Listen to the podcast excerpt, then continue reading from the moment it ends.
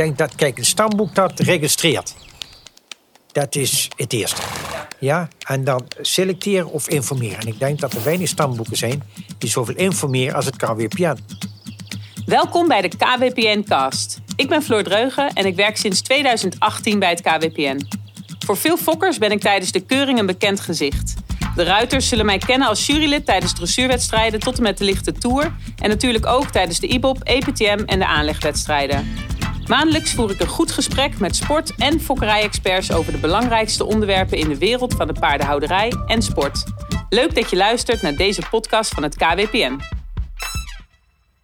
Corloeve kwam in 2011 bij de KWPN Hengstenkeuringscommissie springen. Voor die tijd had hij al jarenlange ervaring als KWPN-jurylid. Vele luisteraars kennen Cor als instructeur aan het NAB Deurne, waar hij bijna 40 jaar verbonden was en waar hij ook mijn collega was.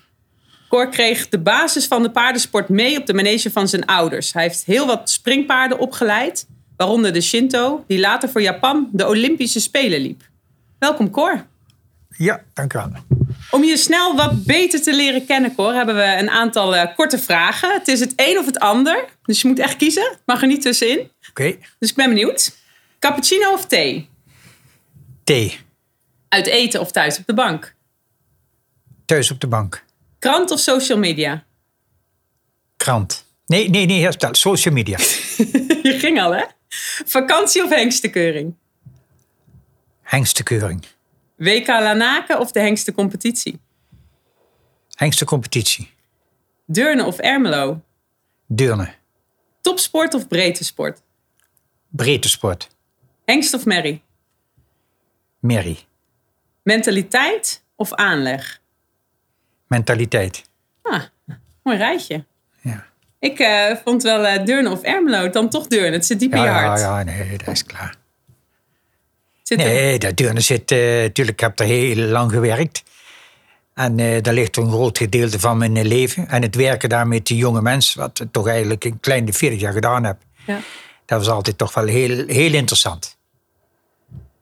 Elke keer um, doen we op Instagram een oproepje om een vraag uh, aan te leveren. We kregen ook heel veel herinneringen nou ja, van mensen die bij jou in de klas hebben gezeten. Het is natuurlijk ook nog wel echt de groep die natuurlijk op Instagram aanwezig is.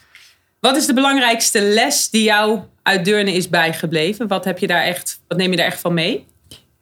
Nou, Deurne dus, en dan wil ik het vooral betrekken op het opleiden van de leerlingen. Dus dat de mentaliteit nog belangrijk is als uh, aanleg.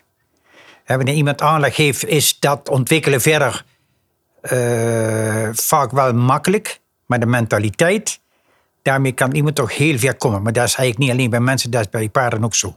Mentaliteit, instelling, dat zijn uh, heel belangrijke eigenschappen die nodig zijn om je verder als persoon te ontwikkelen. Ja, wij kennen elkaar natuurlijk uit die tijd. Ik zat eerst uh, in de klas. Nou, niet in jouw klas. Ja. en later hebben we samengewerkt. Maar ik weet nog heel goed dat jij daar ook heel erg op gericht was. Je was altijd heel erg bezig met ze eigenlijk uh, mentaal wel heel erg te prikkelen en mentaal heel sterk te maken. Ja, er waren. Uh, en zeker om het vertrouwen bij mensen groter te maken, hè, moet je de grens opzoeken wat wel gaat en waar dat je dan op een gegeven moment aan probeert te voelen waar dat ze het wat moeilijker krijgen. En op dat punt ze het moeilijker krijgen, eigenlijk weer een klein trapje terug doen en daar weer het opbouwen naar eventueel een wat hoger plan. Ja. Dus, dus proberen niet over de streep te gaan. En ik moet zeggen, dat is in beginjaren niet altijd gelukt natuurlijk hoor. dat ik wel eens wat meer van iemand verlangde als dat eigenlijk op dat moment uh, kon. Ja, leren gaat natuurlijk ook aan de instructeurskant met vallen en opstaan. Ja, zeker, zeker. Dat, dat heeft gewoon, toen ik daar ging werken, ik, ik ben daar begonnen in 67, nee 77. En ik ben van 54, dus toen was ik 25, 26. Ja, en de leerlingen waren uh, 18, 19. Dus zat eigenlijk vrij dicht bij, bij, bij elkaar. We gaan eerst heel even terug naar de periode daarvoor. Want dat is een stuk van jou wat ik eigenlijk niet ken. Ik ken jou van Deurne en, en de ja. periode daarna. En ik begrijp dat je opgegroeid bent op de manege van je ouders. Nee, eigenlijk niet. Oké, okay, dat, dat, dat denken de wel, maar dat ja. is niet zo. Mijn uh, vader had een brandstofhandel en een uh, restaurant. Café, restaurant eigenlijk, maar meer in café. En in dat café met die brandstofhandel, daar ben ik geboren in 54. En mijn vader die reed toen wel paard, want toen ging nog in hoop met paard aan wagen, dus voerman. En mijn opa, die had in, eh, dus ook dat restaurant, of dat café, was eigenlijk geen restaurant, zeg het verkeerd, een café. En een molen erbij. Dus eh, die deed ook als voerman werken met paarden en ook wat uh, handelen paarden. Had ook een, uh, een dekkings, een waarmee hij dus dekkingen deed. En mijn vader, die reed dus paard bij de rijvereniging. Was een commandant bij de rijvereniging. Toen hebben we een tijd geen paarden meer gehad. Dus toen werd het bedrijf van mijn vader, dus die brandstonden, werd eigenlijk steeds groter. En toen hadden wij geen paarden. Dus dat, heb ik, dat mijn vader reed, heb ik zelf nooit bewust meegemaakt. En in een later stadium zijn we met die brandstofhandel gestopt. Toen zijn we met de manege begonnen. Maar toen was ik al eh, 18, was ik al 8, 16 jaar oud. Okay. Toen, hadden wij een manege. Hoe zag het er toen, toen uit in de paardenwereld, in de, in de? Ja, dus toen was de, ik zou zeggen, de, de, basissport was toen de landelijke rijvereniging, dus de landelijke sport. En toen had iedere dorp had een plaatselijke vereniging. En dat was een heel sociaal gebeuren. Dus van oorsprong lag toen ook bij de basisport, bij de landelijke rijvereniging, was gewoon het sociaal gebeuren enorm belangrijk. Ieder dorp had een rijvereniging. Mijn vader was dus commandant van die rijvereniging. Ja, dat hele sociaal gebeuren, dat, eh, ja, iedere boerendochter die thuis paarden had, die reed daar mee. Dus die meeste mensen die toen paard reden, hadden een agrarische achtergrond. En dat is later, en zeker nu wel anders geworden, dat ze niet meer die agrarische achtergrond hadden. En ik heb ook nog mijn eerste wedstrijd gereden, dat weet ik nog. Toen was ik, uh, even kijken, dat is geweest in uh, 67, denk ik zo'n beetje. Dus toen gingen we nog met een platte wagen, met één paard ervoor. En dan op die wagen nog wat uh, voer. En dan reden we met die platte wagen achter elkaar aan naar de wedstrijd toe. En dan stond een lang lint, een staalkabel, was de paarden vastbonden. En dan stonden ze dan de hele dag aan, of ze werden onder zadel gereden toen hadden we eigenlijk ook nog niet zozeer rijpaarden. In de tijd was de sporten gisteren nog net een klein beetje. Maar we reden gewoon op paarden, ja, op zeg maar Gelderse Groningen, maar vooral op Gelderse, Gelderse paarden. Hoe is jouw paardenloopbaan toen ontwikkeld? Na je eerste eh, wedstrijd? Ja, ja, mijn opa die had een uh, pony. Nou, die pony liep dus in de wei. Nou, daar ging er regelmatig naartoe. Nou, toen kocht mijn vader kocht op een gegeven moment een keer een pony van mij, een uh, Welspony, waar ik niet meer kon rijden. Maar ja, daar gingen we dan wel eh, naar de wei toe, de wei uit en de wei terug en in. En toen kocht hij een forestpony en met die forestpony ben ik aan het rijden gegaan. En toen had mijn vader veel contact met Frans Koeman. En Frans Koeman is dus de vader van uh, Sjors Koeman, die nou de paarden schetst en uh, ja, eigenlijk. paspoortconsulent. Sjors. Nou, de Sjors was ongeveer van mijn leeftijd. De Sjors de reed toen ook. En Frans Koeman had, was een hengstouw, een forestponies. En zodoende ging ik daar van ons thuis wel vaak daar naartoe. Dus heb ik ook veel met Jos opgetrokken eigenlijk. En met uh, de oude Frans Koeman, dan, hij is nou dus helaas overleden. Ik had altijd zo ouder worden, dan komt die tijd een keer. Houd een keer op. En uh, dus op de hengstenwagen mee uh, rondrijden. En die had toen ook wel paarden, maar het begin is alleen maar met uh, ponies. Toen heb ik niet zo lang pony gereden, tot ik denk tot 1968 had ik met de voorspon. Ik heb de UTV kampioen geworden best rijpony. Wat ik zelf bewust nooit meegemaakt heb. Nee? Terwijl, terwijl, ik er toch op zat. Daar weet je niks meer van. Ik, Zo zenuwachtig. nee, maar dus verreed daar in uh, Dronte. Best rijpony. Dat was toen, tegenwoordig is dat gelukkig eigenlijk niet meer. Ja, dan moest je stappen draven en in de galop rondrijden. En riep, op de UTV was dat. En toen riepen ze mij af dat ik naar binnen moest komen, wat er helemaal niet in de gaten. Ik bleef alleen maar rondrijden. Totdat ze me opvingen. Nou, toen moest ik opstellen. En toen bleef ik dat ik eerste geworden was.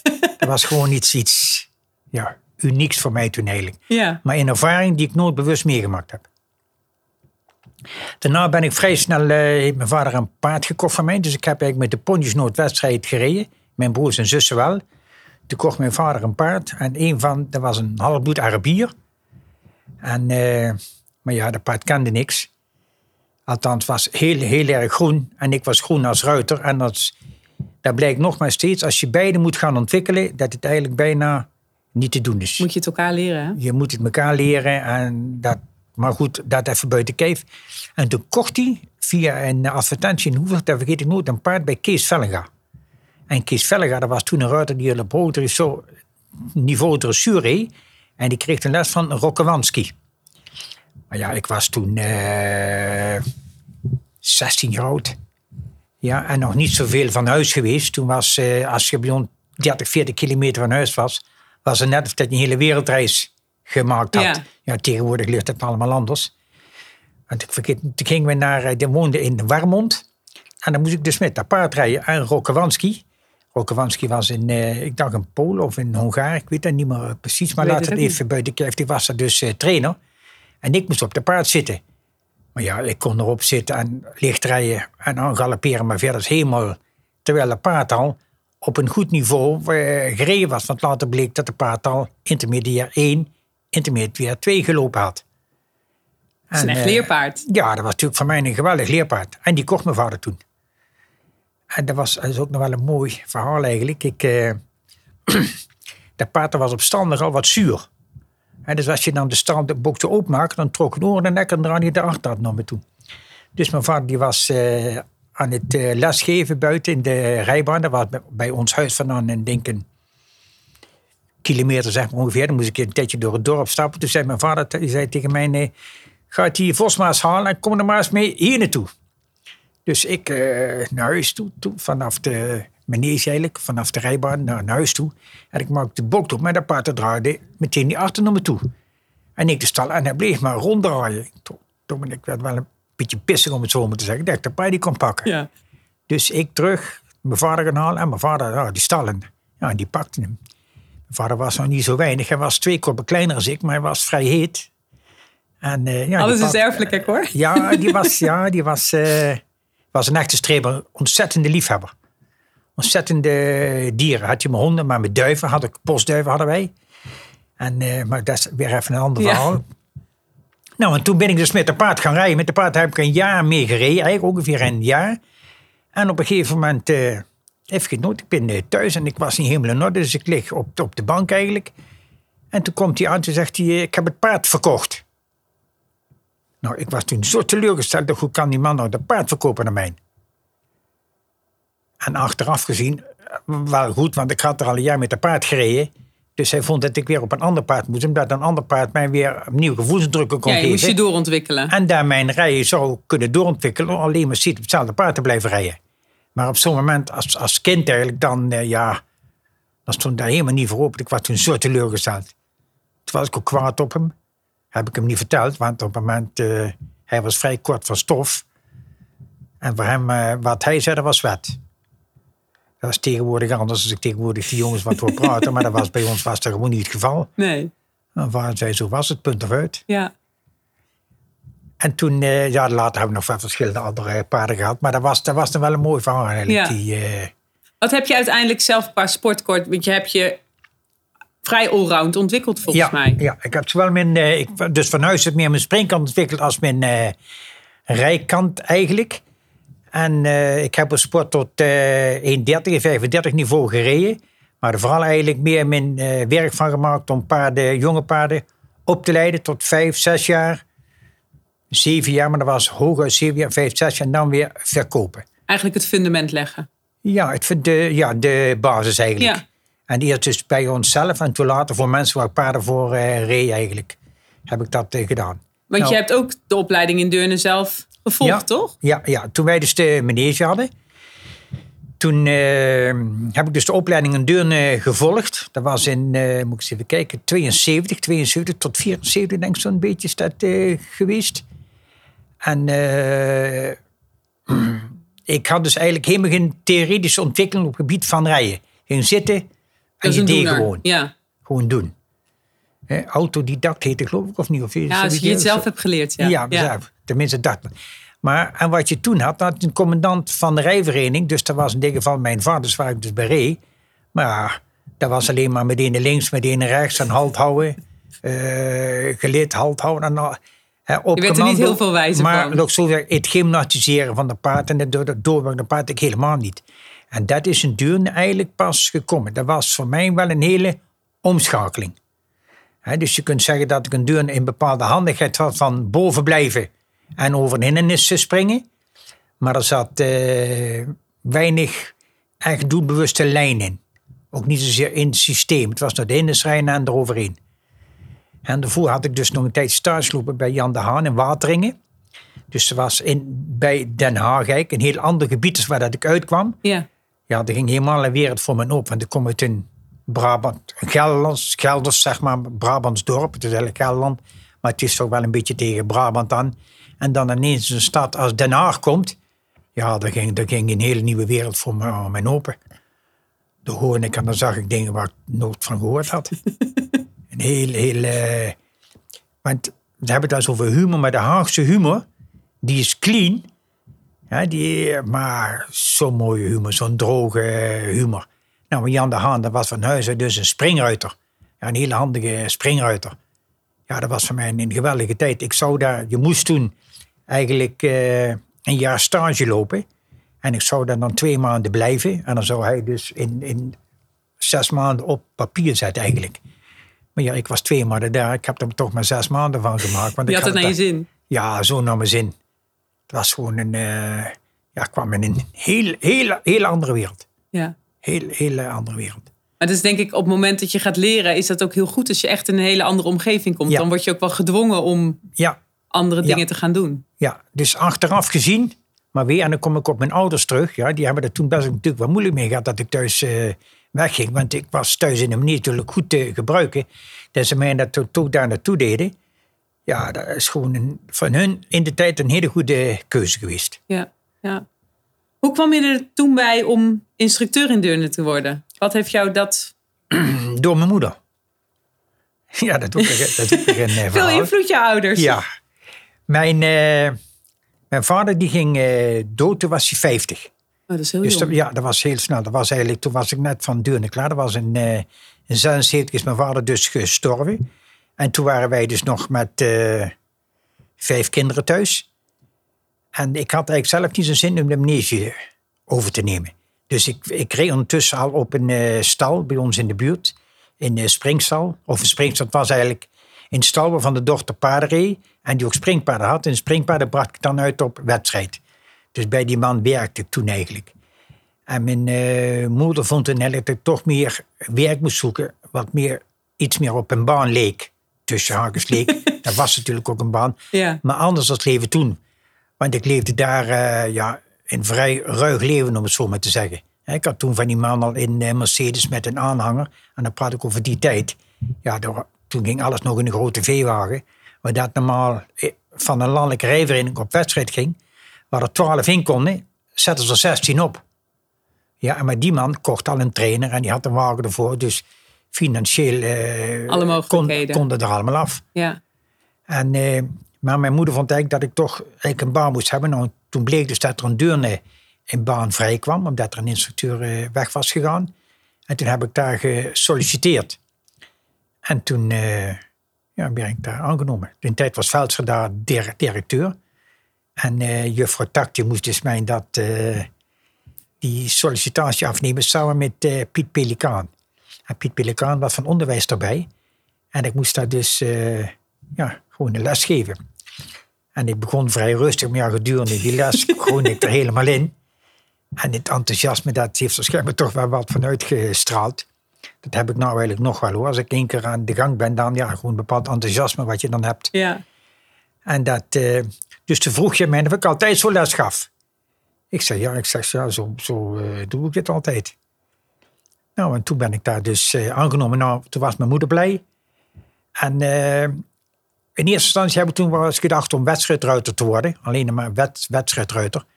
Maar goed, dat was toen toch nog wel eh, in die tijd met die koppelbaas bij ons was het vrij makkelijk, want die kochten paarden. Maar ja, je wordt op een gegeven moment ook een keer ouder. Ja. Ja, en achteraf gezien ben ik toch heel blij dat ik toen in Deurne eh, begonnen ben. Want Deurne heeft mij heel veel mogelijkheden gegeven die ik anders niet gehad had.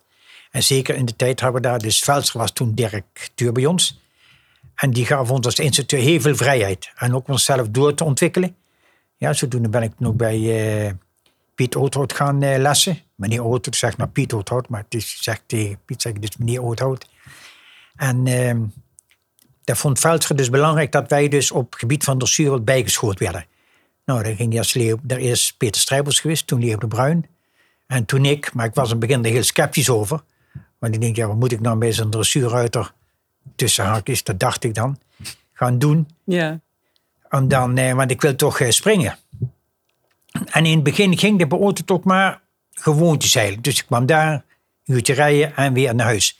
Maar ik snapte eigenlijk helemaal niet zo goed wat hij nou allemaal wilde. Laat, laat ik het zo stellen. Laat, zo, ik kon datgene wat ik bij hem deed uitvoeren. Maar als ik dan thuis was, ging ik toch weer op mijn eigen manier aan de gang.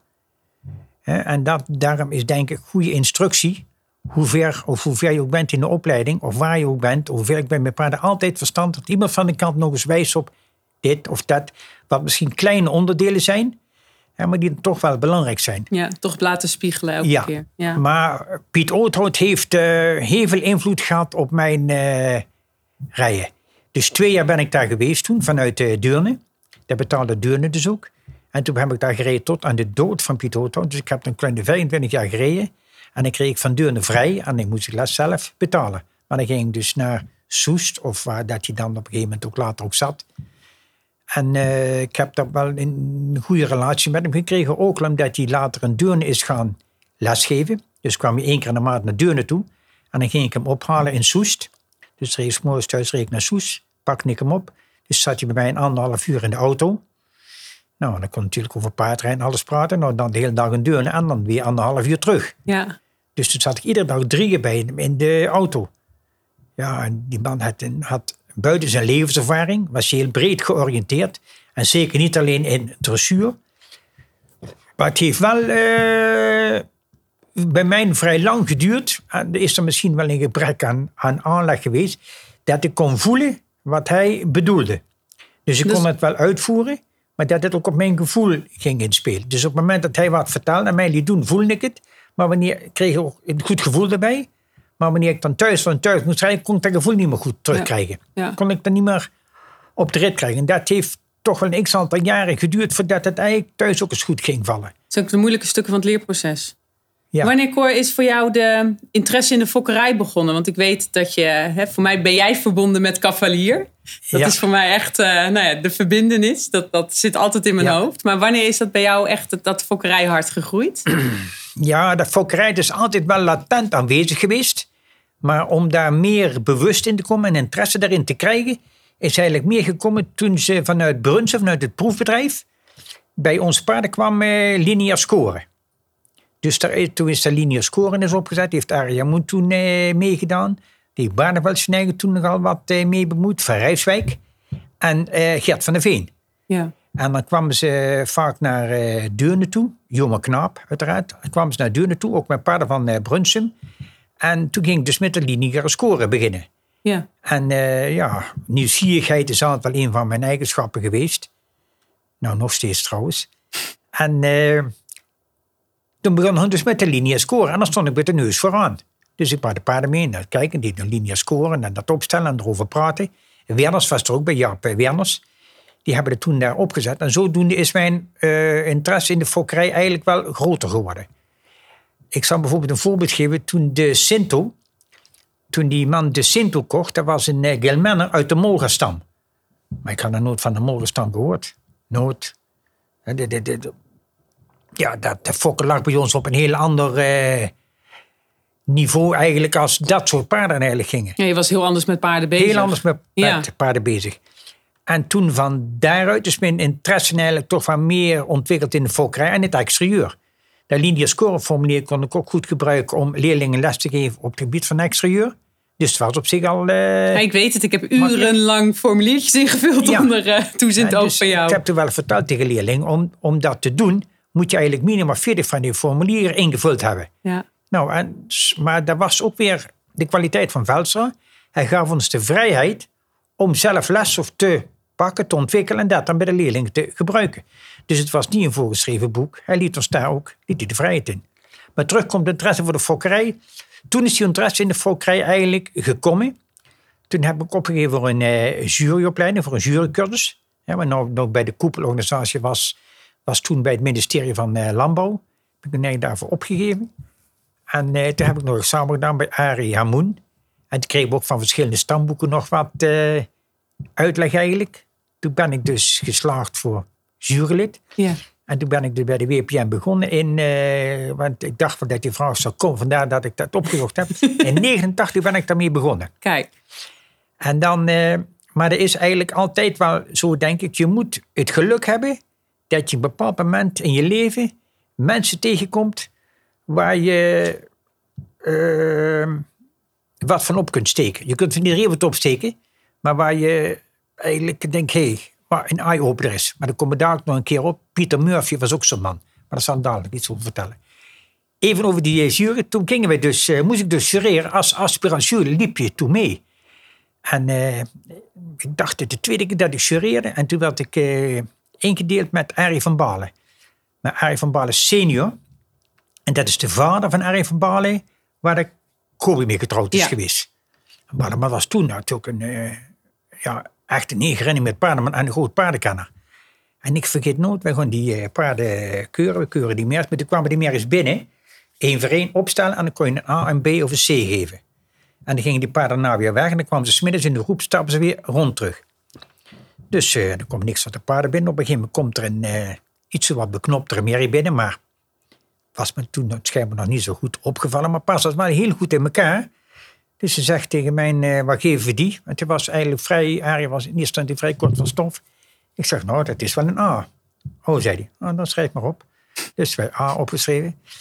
En toen werd die paard dus op volgorde gezet. Dus dan ging je later naar binnen. Overleg op volgorde. En toen smiddags stappen die paarden rond. En toen stappen er uh, voor op vaak vier uh, ruimgeleide merries. En dan kwam die wat beknopt eraan en die heeft vier ruimmerries. Ik zeg, die is toch wel een beetje, die valt wel op in dit tijd. Ik zeg, die is toch wel wat beknopter. nou, beknopt, niet zo lang gelijnd als die andere. Die van de royale merries. Ja, zei ik zeg, zullen we hem dan weer terugzetten? Hij zei, nee. En we hebben laten hem lopen. Ik zeg, ja, maar, ja, ja, maar zei hij, vanmorgen wou je hem toch dat geven. En vanmorgen was hij ook zo beknopt. Hadden vanmorgen maar beter op moeten letten. Ja. En liet hem lopen. Leergeld. En toen zei hij later tegen mij, toen zei hij later tegen mij, we hadden hem nooit teruggezet. We hadden die andere paarden wel voor kunnen zetten. Zei, je moet nooit een paard terugzetten. Al het andere paarden ervoor zetten. En dat zijn van die kleine dingetjes die doen dan, ja, hè? Ja, dat, dat maakte zo'n indruk op Dus ik, dat de paardenkenner, dat wist ik, dat was, dat was klaar. Maar hij was toen heel... Nee, we zetten hem niet terug. Ja. Dus dat is hetzelfde pad als van wat je vanmorgen hebt gezien. Met andere woorden, hij zei niet, had er maar beter op moeten letten, maar... Ja, hij duwde je wel even met de neus op de feiten. Dat was voor mij wel even duidelijk. Ja, ja. Ik heb weer een mediatip. In Meesterwerk gaat KWPN TV langs bij ervaren fokkers en professionals om alle kneepjes van het vak te leren. Mijn collega Luc Smetsers was recent op bezoek bij Anouk Noordman. Zij is niet alleen een hele fanatieke dressuur-Amazone, maar ze fokt ook Gelderse sportpaarden. Anouk vertelt over haar weg naar de Grand Prix, de kwaliteiten van een Gelders paard als sportpaard en ze gaat in op haar eigen fokkerij. En Cor, als we dan naar Deurne kijken, jij hebt eigenlijk een heel groot gedeelte van Deurne meegemaakt. Eerst natuurlijk als, als leerling en later als, uh, als docent, als instructeur in vogelvlucht, hoe is dat door de jaren heen veranderd en wat was daar goed aan of wat misschien ook niet? Ja, ik denk dat. Uh, ik heb wel eens verteld, dus we moesten op een gegeven moment een, slogan zien te krijgen, wat dan toen Deurne van Helicon was, hè, een soort slogan. Ja. En toen heb ik gezegd: wat wij hier in Deurne doen, is van mensen met paarden proberen paardenmensen te maken. Ja. En onze toenmalige directeur die keek, die, die, die denkt: wat, wat, is, wat is dat nou? Maar dat sloeg voor mij precies de spijker op de kop. Wat wij in het begin hadden, en dan praat ik toen ik zelf nog de opleiding deed, en de eerste jaren van toen Veldscher was ook nog wel, dat er mensen met een paardenachtergrond naar Deurne kwamen, daar de opleiding deden, en eh, dan een diploma haalden, ja, of dat het even buiten kijf. Ja, en toen hadden we ongeveer, ik denk, 70 leerlingen. Ja, zat je drie maanden in Deurne, liep je negen maanden stage. Maar toen viel het nog onder het ministerie van Landbouw en Visserij. En toen werd er nog veel van de totalisator, dat geld, dat ging een hoop naar Deurne toe. Ja. Maar het was toen, in de tijd was uh, Jan Bedoel, was directeur. En ik weet niet, heeft me later wel verteld dat het altijd heel moeilijk was om het financieel toen rond te krijgen. Toen kwamen ze op een gegeven moment dat de weg moet bij het ministerie van Landbouw, dat het onderwijs moest gaan vallen. En dat eigenlijk een mbo-opleiding zou moeten worden. Nou, en toen is het AOC, later Helicon, is toen ingestapt en die zijn bij Deurne begon hij. Dat was voor Velstra op zich natuurlijk ook heel moeilijk, omdat de onderwijsmensen bij ons in Deurne kwamen en gingen bepalen wat er moest gebeuren. Ja, het was sowieso om vanaf het ministerie van eh, Landbouw naar onderwijs te gaan. Dat had al de nodige... Uh, wrijving en frictie. Wrijvingen en frictie, en frictie om dat voor elkaar te krijgen. Maar goed, toen ging het toch door met Helicon. En dat was voor Velstra ja, eigenlijk toch ook weer een hele andere wereld. Het veld was een op- en. Ja, heel veelzijdig. Hij was zelfs springruiter, dressuurrijden, maar ook vooral dus eh, mannen eh, bij de hekjes altijd gedaan. En toen is eh, de helikon erbij gekomen. En toen kon er in één keer moest, er veel meer leerlingen geplaatst worden, tussen haakjes. Dus voorheen hadden we een toelating. Ja, en als ze dan gemiddeld deden toen in 250 mensen toelating. En dan werden er 70 toegelaten. Maar nu deden er 300 mensen toelating. En die werden alle 300 toegelaten. Ja. Wat, wat, wat deed dat met de opleiding? Ja, dat er meer mensen kwamen. Maar toen, toen werd de kwantiteit werd groter. En de kwaliteit van mensen die uitstroomden, die was niet meer van dat niveau wat die dan in het, de jaren daarvoor was geweest. Maar dat kon eigenlijk ook niet. Nee. Maar binnen Helicon ging het vanuit, mensen die onderwijs willen volgen, en dat was niet alleen Helicon, iemand die een mbo-opleiding wil volgen, die kan die mbo-opleiding volgen. En in Deurne was ze dan meer op paard gericht als op alle andere onderdelen. En we hadden toen wel het voordeel dat eh, Theo Kolen en Frans Hoek, de centrale directie, ja, allebei nogal paardenmijnend waren. En vooral Frans Hoeks, wat je nu eigenlijk nog wel steeds is, erg paardenmijnend. Ja, en die dus eh, ja, heel veel zelf liefhebberij erin zagen. Het woord liefhebberij misschien niet, maar een uitdaging om van Deurne een goede school te maken. Alleen, en dat was het probleem waar ze in een later stadium toch wel achter kwamen. Als een leraar voor een klas staat, moeten er 24 leerlingen in zitten. Wil het uur rendabel kunnen zijn. En we hadden de praktijklessen, er reden zes tot zeven mensen. En in een theorielokaal zaten er vaak maar Nou ja, laten van we eerlijk groepen. zijn, als instructeurs zijnde zeurden wij al over die zes of zeven mensen. Hè? Ja. Want dat zeiden we al van hoe moeten we Ja. dit gedaan krijgen om ze wat te leren. Ja. Maar goed, dat was dus financieel. Dus er moest, Ja. ieder jaar moest er wel heel veel geld bij. En in de tijd toen Kolen en Frans Hoeks in de centrale directie zaten, die konden dat glad strijken door bij die andere scholen Wat financiële middelen aan daarbij te doen. Ja. Totdat er een nieuwe directeur kwam, of een nieuwe centrale directie, en die zag hoeveel geld daar jaarlijks bij moet, en die trok meteen de stekker eruit. Ja, toen was het feest voorbij. En wat je op zijn laatste ook wel kreeg, dat we, om toch maar een groot aantal leerlingen te krijgen, aan verschillende opleidingen erbij gingen maken. Ja, het werd steeds breder hè? Steeds breder. Ja. Eerst had je gewoon instructeur, Ja. piekeur, dat kon ook nog, dan hoef je dus geen les te geven. En niet van stalmeester, en dat is het. Ja. Maar toen kwamen zoveel opleidingen bij en er kwamen zoveel instroommogelijkheden bij. Ja, Het gevoel van Deurne veranderde daar ook Ja. door. Ja. ja. Voor, want hè, Deurne is er niet meer. En eh, ik denk dat jij hetzelfde hebt als ik. Als ik dat terrein oprijd, dan heb ik nog steeds elke keer een beetje zo'n bloedend hart. Dat ik denk, oh, wat was het er toch altijd geweldig. Is het een gemis voor de paardensector? Ik denk dat het opleiding op zich een gemis is. Ja, en ze proberen hier en daar nog wel op in te spelen. Ja, er zijn nog wel verschillende scholen die er wat op inspelen. Maar zoals wij dat toen in Deurne hadden, dat het toch met die, eh, vooral met de theorie die erbij was. Eigenlijk was, denk ik, het, eh, het theoriegedeelte misschien nog wel belangrijk als het praktijkgedeelte. En dat bedoel ik met de theoretische kans.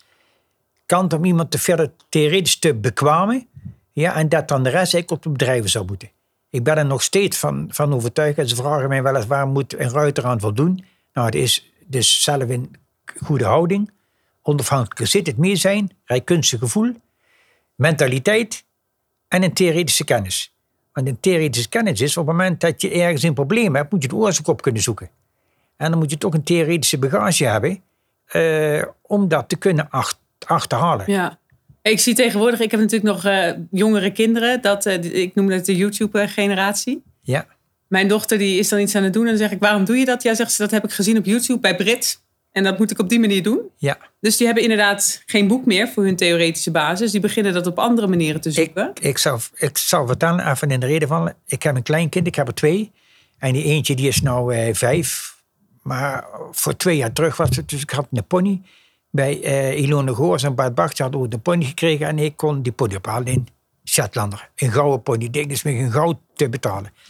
Op een gegeven moment, ik had een zaaltje en een hoofdstel. Ik zeg, ga even het zadel halen. Ja, en de buidel, of dat hij de buidel ook mee moest nemen. ik zei, de buidel? Ik zeg, wat krijgen we nou? Maar dan heet hij dus op eh, zijn iPad. Ja. Ja, dan gaat hij dus eh, met die iPad bezig. En dan hebben ze dus hoofdstel. Maar die werd in het Oh, Engels. bridal! En zo doen de beide. ik denk, wat krijgen we nou? Maar, dus waar hun met die iPad aan de gang zijn. En dan kwam het woord Bijbel. En hij praat de halve tijd van die Engelse woordjes, gooit hij Ja. tussendoor. Dan gaan ze allemaal van de, Ja, wij hadden, wij hadden vroeger... Ik heb Nee, maar het nooit- leren is helemaal veranderd. Ja. Het is niet meer zoals, Nee. het, als het was toen jij op school zat of toen ik les van jou had. Ja, Als we kijken naar ehm, jouw werk in de Hengste Keuringscommissie. Je, je gaf al aan eh, wanneer je was begonnen. En dat is nou ja, de echte senior Arie van Balen daar eh, jou Ja. gelijk al een hele mooie leerschool ja, gaf. ja. Heb je daar verder nog belangrijke leermeesters zeker, in zeker. gehad? Maar Ar- Arie van Ballen, die dus buiten dat, ja, heb ik later met hem eh, nog regelmatig gekeurd eigenlijk. En eh, dat ging eigenlijk perfect. Was een geweldige man. En ook op een gegeven moment, eh er komt een keer een eh, vrouw, die komt wat aan hem eh, vragen over een paard. Toen zegt hij, toen zegt hij tegen de vrouw, moet je bij je Cor zijn.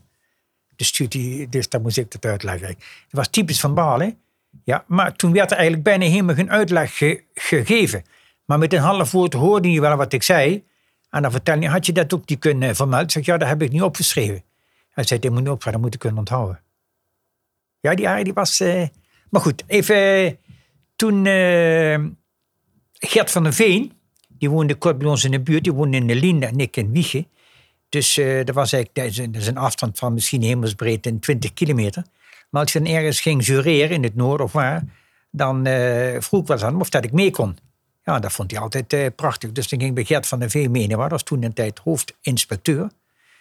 En eh ja, oud, oud, autorijden kon hij niet, die man. Dat was, als je, autorijden was een verschrikking. Die reed in een drie in de derde versnelling door de bocht.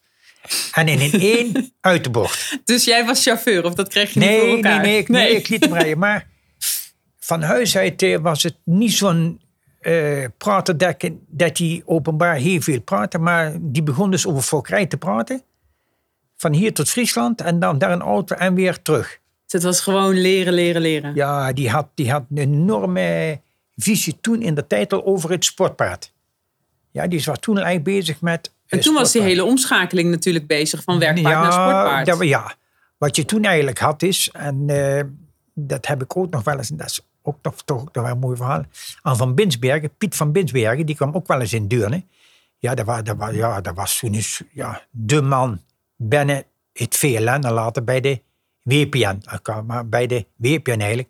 Ja, die man die sprak je zomaar niet aan. Dat ging, liep je niet zomaar naartoe en zeggen van... eh, Nee, nou, maar goed, toen eens aan was op een keuring in Veghel, dat vergeet ik ook nooit meer.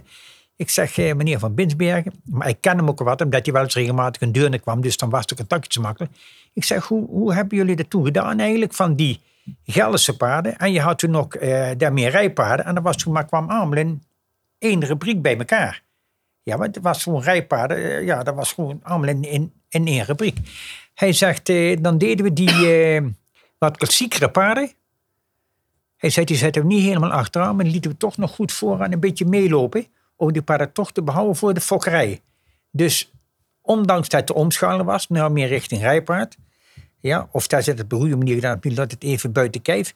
Maar hij gooide toen die wat de klassiekere kwaliteit paarden, niet weg. die gooide niet weg. Ja. En ik kan me een beetje hierop neer, je moet nooit geen oude schoenen weggooien voor je nieuwe hebt. Ja, maar dat was dus Piet van Binsbergen. Dat, was, dat, dat soort dingen blijven dan bij. En eh, ja, toen eh, heb ik dus regen toch wel gekeurd. Maar Gert, Gert van der Veen had best wel veel impact gehad.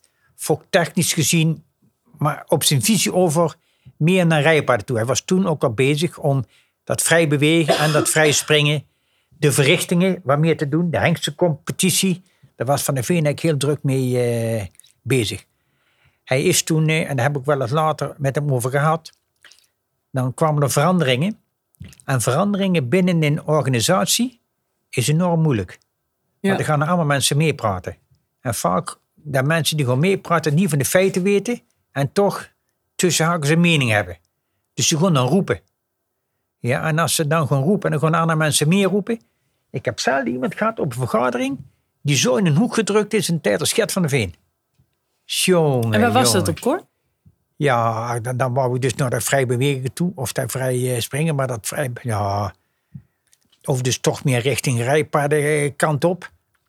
Ja, dat, dat, dat, dat werd helemaal niet, niet, niet gesnapt. Ook niet begrepen door eh, mensen niet. Maar dat zijn natuurlijk sowieso in, in nou ja, het verenigingsleven best hele moeilijke dingen. Kijk, als Ja. jij in een commercieel bedrijf zit, dan heb je gewoon een soort van hiërarchie. En dan slaat iemand met Ja. zijn vuist op tafel en die zegt het is zo. Ja, Maar wij hebben natuurlijk te maken met een vereniging. En dan krijg je wel ja. dat wat Ja. jij zegt. En daar had hij, het, eh, hij liet het niet direct aan het merken, maar best wel eh, moeilijk mee. Was, Ja. was gewoon moeilijk. Kon toch, toch, toch hij dan, of dat hij wel of niet eh, snapte, maar dat was gewoon moeilijk voor hem. Ja. Op een gegeven moment, je was jurylid. Ben je begonnen bij de Hengstenkeuringscommissie. Ja. Dat is natuurlijk weer een heel ander pakket en een heel Ja. andere iets om, om aan de gang te gaan. Dat was zo, toen ik de eerste keer het vrij springen. Toen de eerste keer het vrij springen was, toen heb ik dat vrij springen in een bos gedaan. Dus met een eh, groep mensen bij mij in het dorp. Hebben we daar dus die eh, kooi van de Veen had een idee dat die kooi moest komen. En dan moest ik dus de hindernissen daarin eh, plaatsen. En allemaal aankleden en het begeleiden van die paarden. En er was natuurlijk nogal wat weerstand op. Omdat vooral mensen die dus geen springpaard hadden, toch naar de hinders moesten springen. En achteraf gezien is dat het begin geweest van de specialisatie. En die mensen die toen eigenlijk het meeste tegen dit systeem waren, er waren toen al mensen die specialiseerden, maar dan meer in de richting dressuur. Ja. En Dan denk de ik gelijk springen. aan bijvoorbeeld meneer Van Norel. Meneer Van Noord is daar een, Ja. een eh, voorbeeld van. Ja, en die, die zei, ik lust niet springen. Ja. Maar ja, ze moesten er toch springen, dus daar was meneer Johannes om die op de hinders te krijgen. Maar eigenlijk, kun ik ook iets omdraaien, en was een tijd vooruit. Ja. Want hij lette vooral op die beweging en de springen telde voor hem niet. En bijvoorbeeld een man als Wim van Dam, waar het Stamboek ook nog wel eens regelmatig kostluiting mee had, die liet die paarden al vrij springen toen Stamboek het nog niet deed. Nee, die ging de andere kant op. Die ging de andere Ja. kant op. Ja, dat Ja. is wel mooi wat je zegt. Want eigenlijk was de specialisatie al ontstaan voordat wij het hebben Ja, doorgevoerd. ja dat is niet van de ene op de andere dag eh, gekomen. Nee. Ja, en die, eh, maar Van Noorl was er wel een heel duidelijk voor. Huub van Halvert eigenlijk ook. Ja? Die Ja. man die selecteerde op beweging. Ja, dat was, was, ja, dat was gewoon. Ja. En dat springen selecteerde hij niet op. Nee, dat moest dus een soort van overleven en dan eh, Ja, was het dat was gedaan. voor mij speelde dat helemaal niet mee. Nee. Maar dat vrij springen dat ging op zich nog wel redelijk. Redelijk, laat ik het zo stellen. Alleen als je dat ziet met nu, ja, dat is niet te vergelijken. Maar dan moest je natuurlijk paarden dus in een bos dus vrij springen. En eh, toen, dus even kijken, toen kwam ik nog wel regelmatig moest ik keuren. Dus heb ik ook al een paar keer mijn baardenveld moeten eh, keuren. En toen eh, kwam er dus ja, sollicitaties in de Hengstencommissie. De eerste keer, dat was in 95, 96 dacht ik, in die buurt.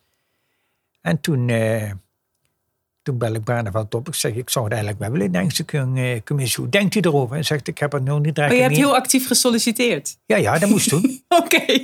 Maar toen belde ik dus Barneveld op. Ik zeg, want, want eh, ik wist dat Barneveld eh, erin zat. Toen, Ja. die, Was hij toen dus- voorzitter? die zou erin komen als voorzitter. Oké. Dat was bekend. Dus was ik van, ja, hij kon wel weten of dat ik met hem kon samenwerken met hem wil. Dus toen belde ik hem erover op. Hij zei, dan moet je solliciteren. En meer zei hij ook niet. Hij zei niet van, nou, dat regel ik wel of dat ritsel ik wel. Nee, hij was er heel streed in. Ja. Ik denk, potverdomme, als hij nou niet wat positiever is, zou ik dat nou wel moeten doen, niet? Ja. Dus ik toch gesolliciteerd. En toen heb ik dat bij, eh, bij wie was ik toen? Ik geloof dat Gert van der Veen zat. En eh, de toenman, nee, Gert van der Veen dacht ik alleen was. Weet ik wel, kijk aan hem Maakt precies. uit. Maakt dat helemaal niet zo uit. Nou, en toen, eh, ja, toen ben ik aangenomen. Toen heb Ja. ik, kwam dus eerst in de Hengstencommissie. En eh, als ik dan zie wat er toen vanaf 95, 96 tot nu eigenlijk veranderd is, ja, dat is niet te begrijpen. Toen kwamen de, de dus voor de eerste zitting op de straat. En in een straatje in de, de grote herald daar. Ja. Oh, die sprongen alle kanten op. Die hingen van links en rechts. En oh, een circus met die dingen op de achterbenen en toestanden. En dan werd er daarna bekendgemaakt welke hengsten terug mochten komen in de, eh, voor het vrij bewegen en Ja. vrij springen. En, eh, maar ja, dan viel de helft al af. En ik had wel- correctheid en type. ja, en- correctheid of typen of Ja. noem maar op. En chef Rijswijk was ook medisch maar die had al lang gezureerd, had er wat meer ervaring in. Maar op een gegeven moment, ik zeg tegen Barne, want ja, die is misschien het type niet, maar ik ben wel, ik ben wel nieuwsgierig hoe dat hij springt. En dan had ik nog als regelmatig dat ik nieuwsgierig was, dat hij, hoe dat hij springt. En dan ging hij eigenlijk vrij vlot ermee. Ik zei, nou, laat hem nog wat springen. Zei, we hebben toch wel tijd, laat maar springen. Nou, en zo is dat. zo we toen de eerste bezichting, dat, dat was mooi. Toen krijgen we de tweede bezichting, dat was in Den Bosch. Dat is ook wel een apart verhaal dan. En, eh, dus jullie de paarden weer springen. En dan kwamen daarna, die paarden nog naar de dierenarts. En die bekeken dan die eh, paarden. En eh, dus de tweede bezichting die zat erop. En dan kwamen die dierenartsen, nog een dag misschien twee dat ze waren. En die gingen er aan tafel zitten. En op een gegeven moment bij paard 1 hadden ze een heel verhaal bij met een hoop Latijnse namen. En eh, eh, linksom 1, 2 of 3, of kreupel 1, 2 of 3. Of, maar een hoop van, die- van die, die kan... termen, die kan- Dierenartstaal. Ja, Ja. Die, die, dierenartstaal, juist, Ja. dat is een beter woord. dus die mannen die waren weg. Ik zeg tegen Barneveld, maar is het nou niet beter eh, dat wij die mensen eerst een paar laten keuren en dan wij pas? Ik zeg, want er is er geen één goed als ik die mannen zo hoor. Goed. Toen zei hij, de volgende keer zei hij tegen die mannen, hij zei, de schöne dag alleen het broodnodige vertellen. Dan kan meneer Loefen toch volgen, anders wordt het te ingewikkeld voor hem. Nou, eh, dat heeft wel geholpen, maar ze hadden toen nog maar bij een x-aantal paarden wat bemerkingen. Ja, ja, Maar dat was wel mooi eigenlijk. ja. Ja, en dan verder met... eh, dus wat ik met Piet Oorten met rijden heb gehad, heb ik met Barne wat toch wel gehad met het eh, keuren van eh, paarden. Ja, die man die kon het heel goed op rij houden. Dingen die belangrijk zijn, dingen. Maar hij vroeg met springen altijd, of met lopen, maar vooral met springen.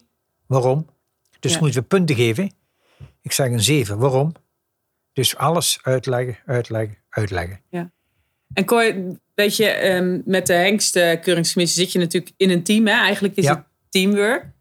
En dat is voor mensen die, die er niet zo nauw bij betrokken zijn... wel eens de vraag van hoe functioneert zoiets? Hoe werkt dat? Heb je allemaal je eigen stukje waar je heel veel kennis van hebt? Of kom je echt samen tot iets? Wat... Wij hadden dat toen eigenlijk, want toen later zat ik dus in de met, eh met Barneveld, eh, Frank Jaspers en ik dan.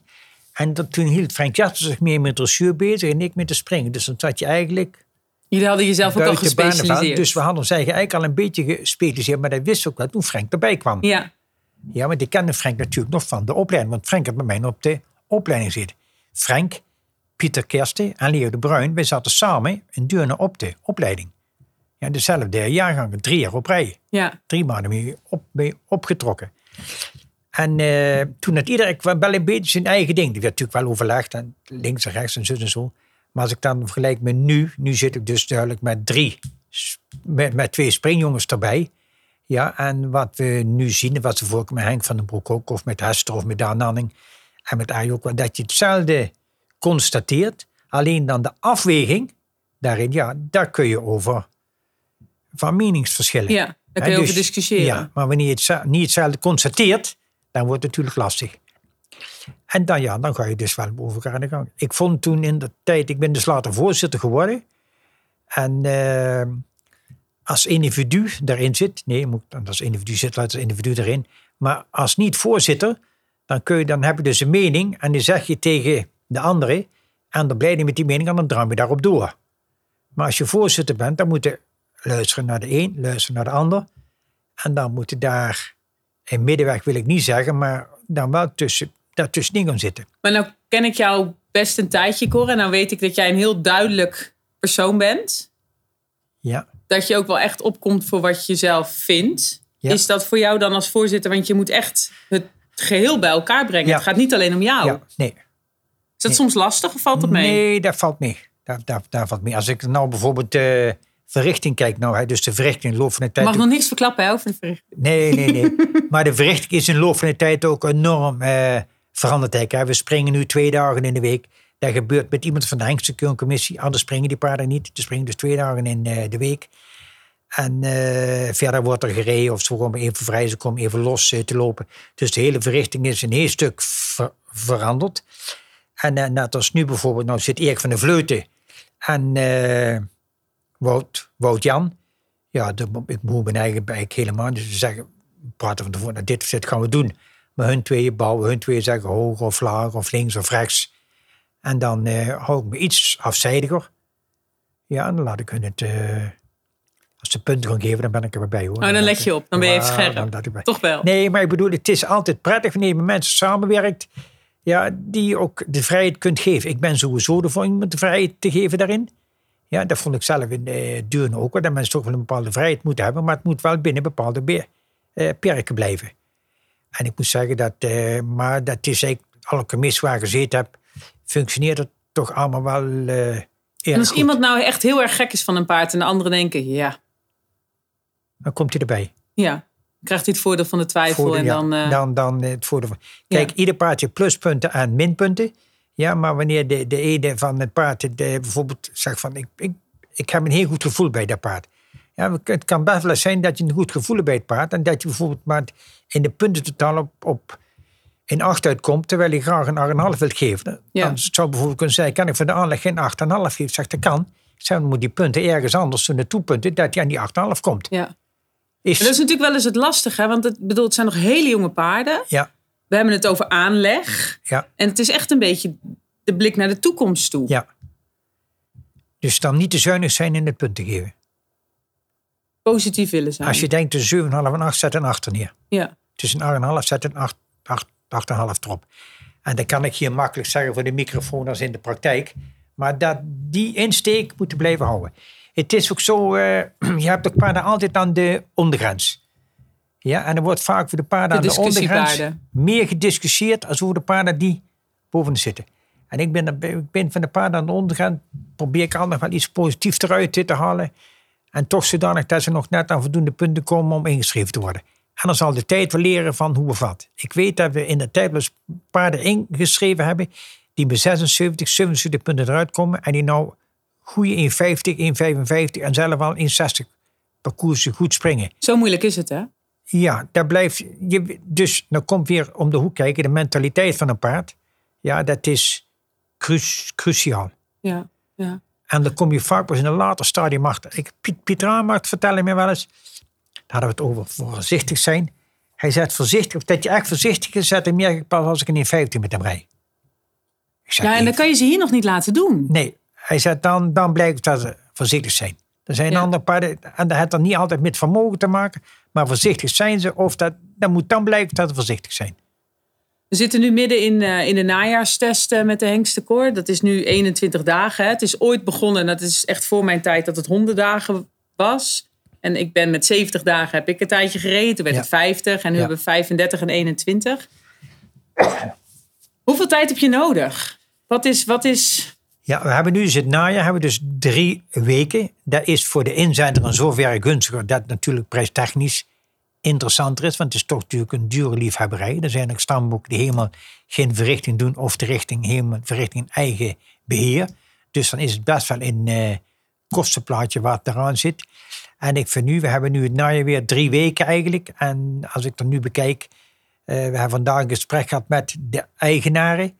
Ja, dat we toch eigenlijk al voor een heel groot gedeelte kunnen bepalen welke hengst dat we in zouden willen schrijven en welke hengst dat we duidelijk twijfel bij hebben. ja. Dus Ik, mensen zeggen altijd tegen mij van waarom hebben jullie zo lang de tijd nodig? Want als ik een paard ga kopen, ja, dan kan ik hem één of twee keer zien. Of ik kan er Ja. een keer op zitten en dan moet ik een keuze maken. Ja. Waarom hebben jullie zoveel tijd nodig? Ja. Nee, daar zit, in die redenatie zit ook wel wat in. Je kunt natuurlijk zeggen, ja, maar als hengst komt hij in de fokkerij. Dus dan moet je toch nog een keer extra kijken en een keer zus of een keer zo. Dat is ook wel zo. Dus ik denk dat we nou met 21 dagen ook goed uit kunnen. We hebben er nou ook eentje bij gehad. Die was dan, dat waren bij de oude hengsten. Eentje had een keer verhoging. Dus die heeft eh, een paar dagen moeten staan. En eentje die hoest had, had ook een paar dagen moeten staan. Ja. Maar bij die, bij die, daar verandert niet zoveel aan het eh, springen. Nee, alleen het is natuurlijk wel zo dat als ze nu iets hebben, ze hebben geen hersteltijd. Nee, dat is wel het nadeel van het Ja. korte onderzoek dan. We hebben bijvoorbeeld nu een vierjarige erbij. Die eh, een keer de verrichting gedaan heeft. Toen op het einde het niet gehaald heeft, naar huis is gegaan. Omdat ja, hij kon het werk gewoon niet meer aan. Ja. En is nu wat binnengestroomd via de Blom. Hè, want dit jaar vierde bij de Blom. En is nu wat binnengestroomd. Nou, en we zullen dan eh, volgende week maar dat Zien hoe het loopt. Of ja. in kunnen schrijven. Ja, dan Dat is natuurlijk wel het mooie van het systeem nu. Hè? Want het Ja. kan, een hengst kan ook op latere leeftijd nog weer Ja. aangeboden worden. Ja. Dus het is ook vooral belangrijk dat de eigenaar in zijn eigen paard gelooft. Ja. En dan, eh, ja, de, door de verschillende wijzen van instroom die we hebben, zijn er zoveel mogelijkheden nog. Ik denk als we, als we naar de merries kijken, maar misschien ook wel bij de hengsten, dat we de aantallen een klein beetje terug zien lopen. Hè, die aangemeld worden voor een eerste bezichtiging of voor een stamboekkeuring. Bij de merries zien we echt dat de, dat de IBOP en de EPTM bij de springpaarden heel erg in trek is. Ja, Denk je dat bij de hengsten het in de toekomst ook meer naar onder het zadel gaat verschuiven, dus het selectiesysteem? dat denk ik wel. Dat denk ik wel. Hoe snel dat het gaat. Ik vind, we moeten, als we bij, de, bij het stammelijke verandering doen, moeten we dat doen via een evolutie en niet zozeer via een revolutie. Want er valt een hoop mensen koud op het dak. Hè, Als maar- Gert van Veen die weer in het hoekje staat. Zie ik dan even voor me. Ja, dat, maar dat, dat, dat was natuurlijk, voor die man was het al helemaal moeilijk. Maar tegenwoordig heeft de sport ja, natuurlijk veel meer eh, invloed als eh, de klassieke fokker eigenlijk alleen. Maar dat is zo. Dus sport Ja. toch wat weer invloed te gebruiken. Je ziet ook steeds meer ruiters die gaan fokken op latere leeftijd. En wat is laat, maar tijdens een paar paarden hebben die of kreupel of eh, uit de sport teruggekomen zijn omdat ze daarmee gaan fokken. En die beginnen dan meteen met de inzicht van sport. Ja, de sportmensen zijn eigenlijk een beetje de fokkers van de toekomst. nee, in mijn ogen. Van, di- van dit moment. Ja. Ik, ik, ik heb ooit, en dat was in eh 95, 96, een stuk geschreven. Ja, en dat gebruik ik nog wel bij verschillende lezingen. Dat de, de gebruiker van nu, de fokkers van de toekomst. En dan, dat was toen in 95, 96.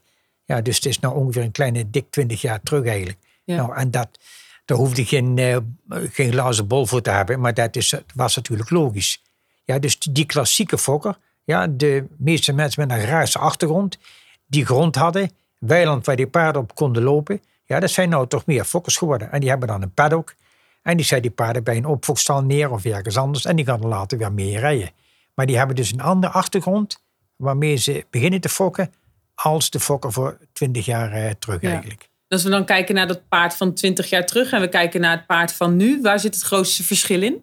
Ja, dat ze veel rijtypischer zijn, rijtypischer, lichtvoetiger en meer generaties rijpaard. Als je toen één of twee generaties rijpaard had, ja, ja dat was het. Je had toen ook heel veel F1-producten, dus bijvoorbeeld van een volbloed, maar in Gelderse of in Groningen of een NWP, dus een paard uit het noorden, waar heel veel goede sportpaarden uitkwamen. Maar als je met die F1-producten ging fokken, ja, dat eh, strooide, dat kon meer naar het klassiekere type of meer naar een volbloedtype. Ja, Kohinoor bijvoorbeeld is er in de tijd een voorbeeld van. Een paard waar eh, Rob Eres nog mee gereden heeft. Dat was een Ofki maal Abga en dan Ulex. Dus het was drie kwart Ja. volbloed.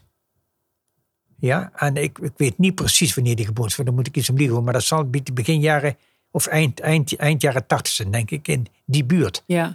Ja, want Ofki en Abga, dat waren twee voorbeelds. Die stonden bij ons in, in Weurt. Dat is het dorp, eigenlijk bij mij een paar kilometer bij vandaan. was een grote steenfabrikant, Ton Burgers. En daar stond Abgar. Maar dat was, hij was voorzitter van het voorbloedstamboek. En die had voorbloeds. Daar ging ik met mijn vader wel eens naartoe. Maar daar stond Abgar, in de eerste jaren stond Abgar daar. En die hadden toen al een hele grote stal. Ja, dat was, eh, die waren toen al zes bij zes. Met een buitenpaddock erbij. Ja, daar had toen niemand. Daar stonden toen die eh, voorbloedhengsten.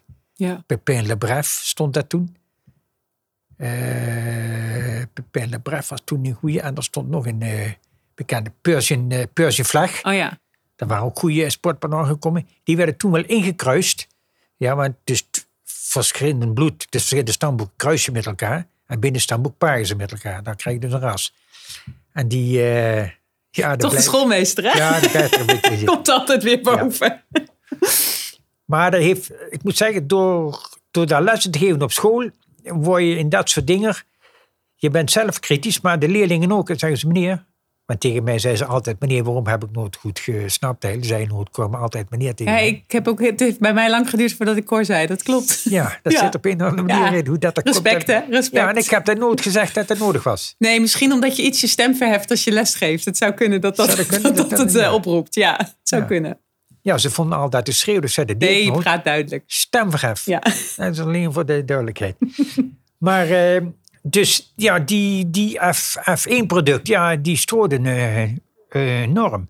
Vandaar dat het weer wat jaren geduurd heeft. Ja, van, ik lijkt een beetje van de jaren 70 tot de jaren 90. Was eigenlijk in, waar voornamelijk op het exterieur werd beoordeeld. Ja, stap en draf aan de hand. En dat is het. En de sport tellen toen eigenlijk helemaal nog niet zo mee. Die is pas veel later gekomen. Daar is Maar de laatste al- stap echt wel hard op gegaan. al De meer laatste jaren. generaties schrijpaard. En toen de specialisatie gekomen is, toen hebben we eigenlijk best wel grote stappen gemaakt. En daar bedoel ik mee dus eh, duidelijk voor één kant gekozen voor de springkant of de dressuurkant. Ja. En toen heeft de springkant het iets makkelijker gehad als de dressuurkant. Waarom? Omdat de Hengse die springpaarden, eh, waar springpaarden van kwamen, die kwamen bij elkaar en die gingen die kant op. En hetgene wat overbleef, daar ging maar dressuur van fokken. En toen bleek achteraf dat er eigenlijk maar drie of vier hengsten waren die positief vererfden in de dressuurkant. Is daar voor jouw gevoel dan ook een beetje de, de bloedvernauwing van de dressuur ontstaan? De bloedvernauwing van de dressuur ontstaan. Maar als ik dan even heel flauw nu naar het springen kijk en naar alle moderne technieken die worden ingezet. Ja. Um, er worden er heel veel bewezen hengsten gebruikt. Nee, ik zeg het verkeerd. Er worden een aantal bewezen hengsten gebruikt. Is dat dan ook niet het gevaar wat er nu voor de springpaarden op de loer ligt? Ja, dat ligt op de loer. Vandaar dat wij bij de hengstenkeuring ook heel goed op moeten letten dat we die bloedspreiding blijven houden. En dan hebben wij het voordeel dat wij in Frankrijk terecht kunnen, in Duitsland terecht uh, kunnen, uh, in Nederland. Maar Duitsland bij verschillende stamboeken waar ze duidelijk ook een springpaarden hebben. En zeker ook Frankrijk. En niet te vergeten België, waar wij hengsten vandaan kunnen halen die die bloedvoering hebben, die we hier in Nederland kunnen gebruiken. Maar het is dan ook wel belangrijk hoor dat fokkers zich dat realiseren. Want het is natuurlijk bij het springen een nog commerciëlere markt dan bij de dressuur. Uh, met, met embryo's en noem maar, maar op. Dus mensen gaan heel vaak wel voor het veilige bewezen riedeltje. Ja. Typisch is wel een beetje. Ik denk dat op de meeste veilingen, nou de laatste tijd iets anders. De dressuurveulens altijd duurder werden verkocht als de springveulens. Maar bij de embryo's de spring ja. duurder werden verkocht als de De dressuur is denk ik ook pas de laatste jaren daar een beetje mee bezig met die embryo's. Springen was natuurlijk met name in België al veel verder mee. Ja, kijk, een man als Joris de Brabander, om in, in dit geval iemand te noemen, die heeft daar in België een enorm impuls aan gegeven door die embryo's. Ja, die spoelen gewoon uit zijn eh, uit goede merries twee of drie embryo's uit, of, of nog meer. Ja. Ja, we hebben wel eens een hengst op de keuring gehad, daar was de moeder vijf jaar oud. En er waren veertien nakomelingen van. Dat is een hele andere wereld dan die agrariër die één paard heeft en elk jaar een veulentje. Ja, ja of de, zesjarige Mary en er waren veertien nakomelingen. Ja. Vijf, dat, dat kon natuurlijk niet. Cor, als we kijken in de hengstenselectie en we, we delen het zeg maar op. Hè. Als we naar een hengst kijken, dan kijken we naar exterieur, naar het springen, maar ook wel in belangrijke mate naar de pedigree, naar de moederlijn. Welk onderdeel is voor jou het belangrijkste? Uh, voor Hengst heeft de pedigree wel een grote prioriteit. Het springen en dan zijn exterieur en van de basisgangen zijn gelop. Oké. Dus, maar ik wil de gelop eigenlijk nog boven zijn exterieur zetten. Maar dus mijn uh, persoonlijk iets, dus voor Hengst de pedigree, zijn springen, gelop en dan zijn exterieur. Dus als ik ergens iets op moet toe, geef ik het meeste toe op het exterieur. Zolang die er maar heel functioneel mee springt. Ja, hij moet en... functioneel mee springen. En de correctheid in het fundament speelt uiteraard een rol. Maar dat het hoofd wat groter is, of de hals wat horizontaler, of wat minder hengsuitdrukking heeft, ik noem maar iets. Dat, zijn dingen waar je overheen kan stappen. Daar kan je de makkelijk Maar als je niet... Maar we hebben het nou over het vrij springen kunnen ook wel iets vraagteken bij zetten. Hoeverre dat thuisspringen nog natuurlijk gebeurt. Of dat het thuis toch zodanig geknutseld wordt dat het er veel beter uitziet als het daadwerkelijk is. Maar daar komen we dan onder zwaarder wel achter. Ja. Maar dat is nu bij de verrichting eigenlijk ook. Nee, het springen. Het belangrijkste. En de galop. Springgalop en zijn afstamming. Het selectietraject bestaat uit een eh, eerste en een tweede bezichtiging. En dan hebben we het verrichtingsonderzoek, waar we nu natuurlijk mee bezig zijn. Daar hebben we een fokkersvraag binnengekregen daarover. En die past volgens mij helemaal in jouw straatje.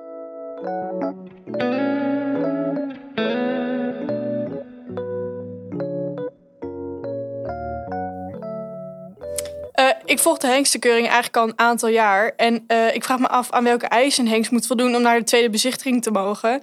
Wanneer is een hengst goed genoeg om naar de Den Bosch te mogen? En wat is voor de commissie een absolute no-go? Een no-go is wanneer die een uh, erg on ongelijke voeten heeft. Ja, dat is iets waar we toch heel streng op letten. Extriomatig wanneer die erg afwijkend is in de stand. Frans of toontreden, maar dan moet het dus eigenlijk wel, toch wel heel duidelijk zijn. Het week gecoacht zijn, vooral achter week, week dat is iets waar we toch wel heel erg op uh, letten. Dus correctheid, week zijn. Ja, en dan bij springen, ja, dan moet hij toch wel eigenlijk op een uh, springen positieve onderdelen laten zien. En dat kan zijn techniek, zijn avondkop, zijn vermogen zijn. Maar hij moet op het moment dat hij begint, is, krijgt er wel wat van tonen dat hij daar wat aanleg voor. En dan zijn, zijn afstamming, wanneer het dus uh, sport uit de moederlijn komt, is dat wel heel erg gunstig. Veronderstel dat hij met springen en iedere helemaal een optimale verrichting laat zien. Wel interessant gefokt is. Extrematisch geen grote belemmering heeft. Dan kunnen we hem toch nog doorsturen naar de tweede bezichtiging. Kijken hem daar nog een keer aan. Dan zien we dan weer dezelfde kortkom met vrijspringen als de eerste bezichtiging. Dan valt de doek. we hebben er nu ook een hengst bij die zich hier, de, die bij het vrij springen, tweede bezichtiging, eruit gegaan is. Die via de blunkcompetitie wat binnengekomen is. Ja, en, en, en, en, nu eigenlijk een, een hele goede verrichting laat zien onder zadel. Dat is eigenlijk alleen maar liever zo als andersom. Dat het vrij springen minder is, maar onder zadel goed springt, dan kan het gebeuren. En is het zo dat een bepaald onderdeel in een bepaald gedeelte van het selectietraject de boventoon voert? Is het, is, je zei op een gegeven moment het springen misschien in het verrichtingsonderzoek, maar is het ergens zo dat iets het allerbelangrijkste is of is het altijd wel om het even? Nee, het springen is altijd wel, het moet zijn afstamming en in springen, het moet, hij moet springen. Als je bij de ins komt, dan moet hij springen. En dan zie moet een springpaard zijn, simpel ja, het moet, moet een springpaard zijn. we hebben ook wel eens een paard erbij wat, wat we dan misschien op de afstamming nogal zeggen, ja, het is maar kantje boord. Maar hij laat me springen in een goede verrichting zien, dan sturen we hem door. En dan, laten we, dan kijken we op de verrichting wel. En als je ook wel goed springt, dan kan je ook ingeschreven worden. Ja. Dus de afstamming is belangrijk. Maar wanneer er een paard toch een goede laat zien onder zaal en het echt zuur is, dan, dan kunnen we hem toch een kans geven. Oké. Als we dan nu kijken naar ons Nederlandse KWPN springpaard. Je hebt uh, heel veel jaren de invloed op mogen uitoefenen en mogen meekijken in de ontwikkeling. Wat zijn nu de sterke punten die we momenteel hebben? De sterke punten die we op dit moment hebben. Ik denk dat we wel atletische paarden hebben. Atletische paarden. Ja, en er wordt altijd wel gezegd het vermogen van het Nederlandse paard. maar wanneer een paard voorzichtig is en een goede instelling heeft, dan kan hij ook in hoge hindernissen springen. Het is, het nog niet direct zo dat de macht uh, bij het doorste Nederlandse paard een pluspunt is. Maar zijn voorzichtigheid, het atletische, het lichtvoetige en steeds meer het rechthoekmodel.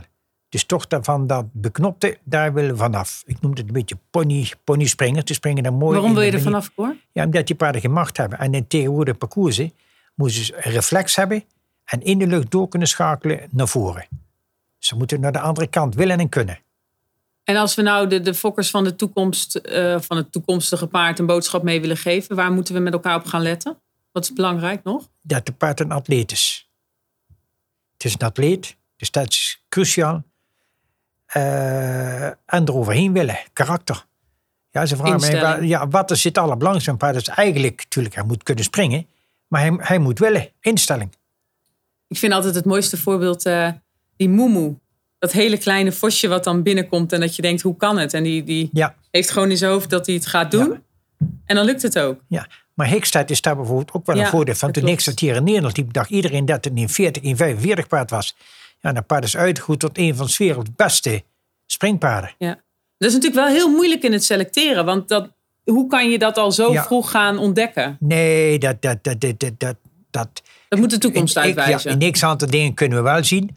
Maar in hoeverre dat dan later zich doorontwikkelt, dat moet de tijd leren. En dan is het ook nog belangrijk, het hele management van het paard. Bij welke stal komt hij? Bij welke ruiter komt hij? Uh, is nou die omdat nou bijvoorbeeld uh, dat Erik nou onze onze commissie zit, maar Michael heeft dus, en heeft hij natuurlijk een bijdrage aangeleverd met Verdi in de tijd. Ja, een hoop mensen die zagen een Verdi eigenlijk alleen maar zijn minpunt. En er was misschien dat iets op de voorhand liep. En ik nam er vallen en een moeilijke mond zus en een moeilijke mond zo. En ze moeten hem zus rijden, ze moeten hem zo rijden. Maar we hebben daar een management opgegooid samen met de eigenaren uh, van de Oetelaar en Nijhoff. Ja, en die hebben daar de vrijheid aan gegeven aan Van de Vleuten. En die geval ook aan Michael, om dat zelf te regelen en zelf doen wat ze zelf wilden. En daar hebben ze best wel eens een meningsverschil over gehad. En ook wel eens kortsluiting. Ja, maar Michael heeft dat gewoon doorgezet en doorgedaan. Ja, die hebben dat paard tot een ongekende hoogte gebracht. En dat is het management en het paard in zijn waarde laten. Is daar een heel groot onderdeel in. Kijk, we zeggen wel bij de, bij de opleiding van een paard wat is belangrijk. Dat is tijd geven en oog hebben voor het individu. En zegt iedereen ja. ja. Zeggen ze allemaal ja. Op het moment dat ze dan gewoon zitten en gaan rijden. Ja, moet het dan ja, dan moet hij toch, want ik wil dat die zus of zo komt op. Of ik wil die houding, of ik wil dat. Ja, of hij moet verkocht, of, hij moet winnen. Moet, ja, of... dan verzinnen ze van alles erbij.